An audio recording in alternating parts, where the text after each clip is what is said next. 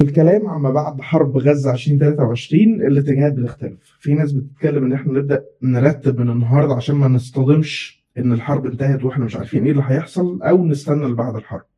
بس أستاذ خالد البري أنت كنت موجود في لبنان في وقت حرب 2006 هنتكلم عن السيناريو- السيناريوهات وهنقرأ الموضوع من من جهة لبنان أو إيه اللي حصل وقتها والتشابهات والاختلافات. بس مهتم الأول أشوف الناس اللي كانت تحت القصف في الطرفين. كانوا شايفين الحرب إزاي؟ كانوا مستنيينها تخلص ولا في انتظار النصر هنا وهناك؟ الناس كانت بتتعامل مع الحرب إزاي؟ بالنسبة لي أنا يعني عشان تجربتي إنه أنا كنت في العراق آه، لأن أنا حضرت الحرب في آه، لبنان آه، غطيتها من إسرائيل في الأول من حيفا وبعد كده من مكتب القدس.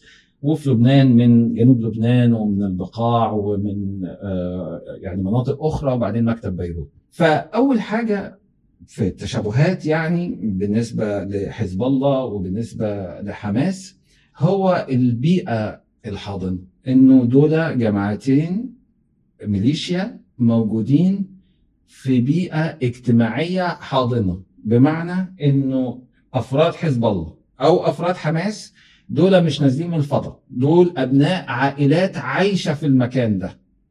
وبالتالي التعامل معاهم مش تعامل سياسي بحت.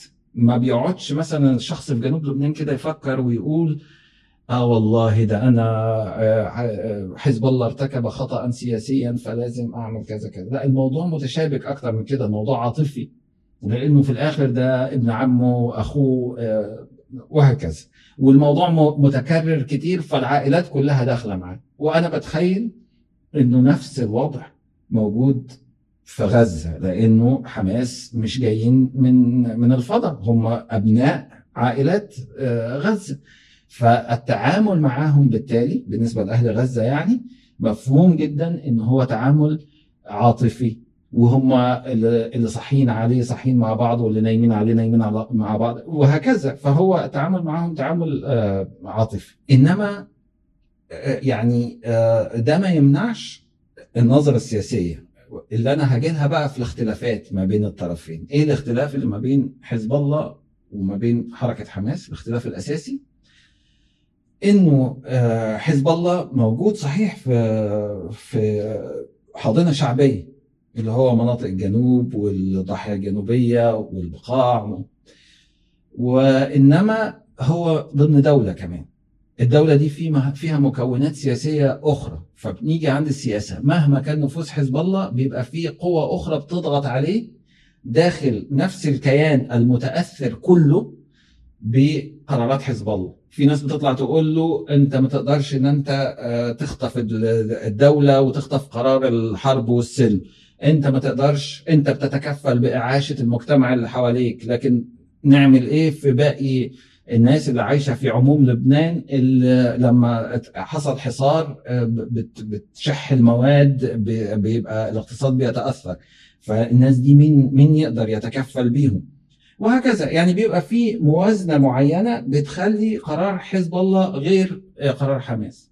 حماس بقى غزة تحت الاحتلال إنما هو السلطة العليا فيها. فشوف التركيبة مختلفة إزاي عن حزب الله. إن هو السلطة العليا مفيش حد مفيش فرقاء سياسيين تاني بي- بيضغطوا عليه بنفس الطريقة. إنما هو على غير حزب الله هو تحت احتلال كامل. يعني تقدر إسرائيل تطوع المنطقة في يوم مش محتاجة إن هي تاخد آه، قرار آه، هتعبر الحدود ولا ما تعبرش الحدود وتدخل بقى في الأمم المتحدة والقوانين الدولية بين دولتين ومش عارف إيه. فده أوجه الشبه وأوجه الاختلاف اللي تخلينا لازم نبص لها من واقع تجاربنا ونبتدي نفكر إيه ال- إيه السيناريوهات اللي ممكن تحصل بعدين. بس قبل السيناريوهات وإحنا بنتكلم على علاقة حماس أو حزب الله بالمجتمع. يعني في الآخر خالص بشكل ما أو بآخر برضه فكرة التركز الطوائف اللي موجود في في لبنان يمكن يكون بيخدموا أكتر من حماس. يعني هو في الآخر خالص أنا وعيلتي قاعدين في المناطق دي فلما سقط في 2006 مثلا 4000 قتيل أو العدد الضحايا أو كان تقريبا 1200 1100 قتيل 4000 جريح 1000 أو 100000 تقريبا بيت اتدمر فأنا كحزب الله هقدر أتكفل بالقصة دي. رواتب ال- العوائل الشهداء بتدفع اول باول الجرحى. أنا اللي بتولى علاجهم وأنا اللي بتكفل بالمصاريف. البيوت اللي اتدمرت هيبني أحسن منها. وطبعا إيران عندي طول الوقت اللي هي فكرة الصرف حتى تحويل الفلوس بشكل أسهل. في غزة الوضع يمكن يكون مختلف. إحنا 2008 2014 2021 الحروب المتتاليه ما حصلش التعويضات دي ما حصلش الشكل من أشكال ال- التعويض. ده غير إن هو في الآخر التداخل ما بين الفصائل. يعني في الآخر خالص أكيد غزه مش كلها حماس. ففي ناس بتتضرر. ده ال- اللي هيرجعني للسؤال اللي أنا كنت بسأل فيه. الناس تحت القصف كانت حاسة آه، هو طبعا في لا في الاختلاف اللي أنت أشرت ليه ده اختلاف مهم جدا. حتى في أبسط حاجة النازحين. يعني في الآخر لبنان بلد صغير لكن هو في عمق خارج المناطق العمليات القوية. هيقدر سكان الجنوب في الآخر يروحوا آه، لعوائلهم في بيروت أو حتى لعوائل طوائف أخرى. يعني في الآخر ده شعب. هي- هيقدر ينقل من مكان لمكان فالنزوح بيبقى داخل الحدود. إنما عند حماس آه، دي مشكلة كبيرة. أدينا شايفين آه، دايما من أول من أول ما ابتدت آه، الحرب الحالية وهو مسألة ال- النازحين. دي مسألة كبيرة جدا.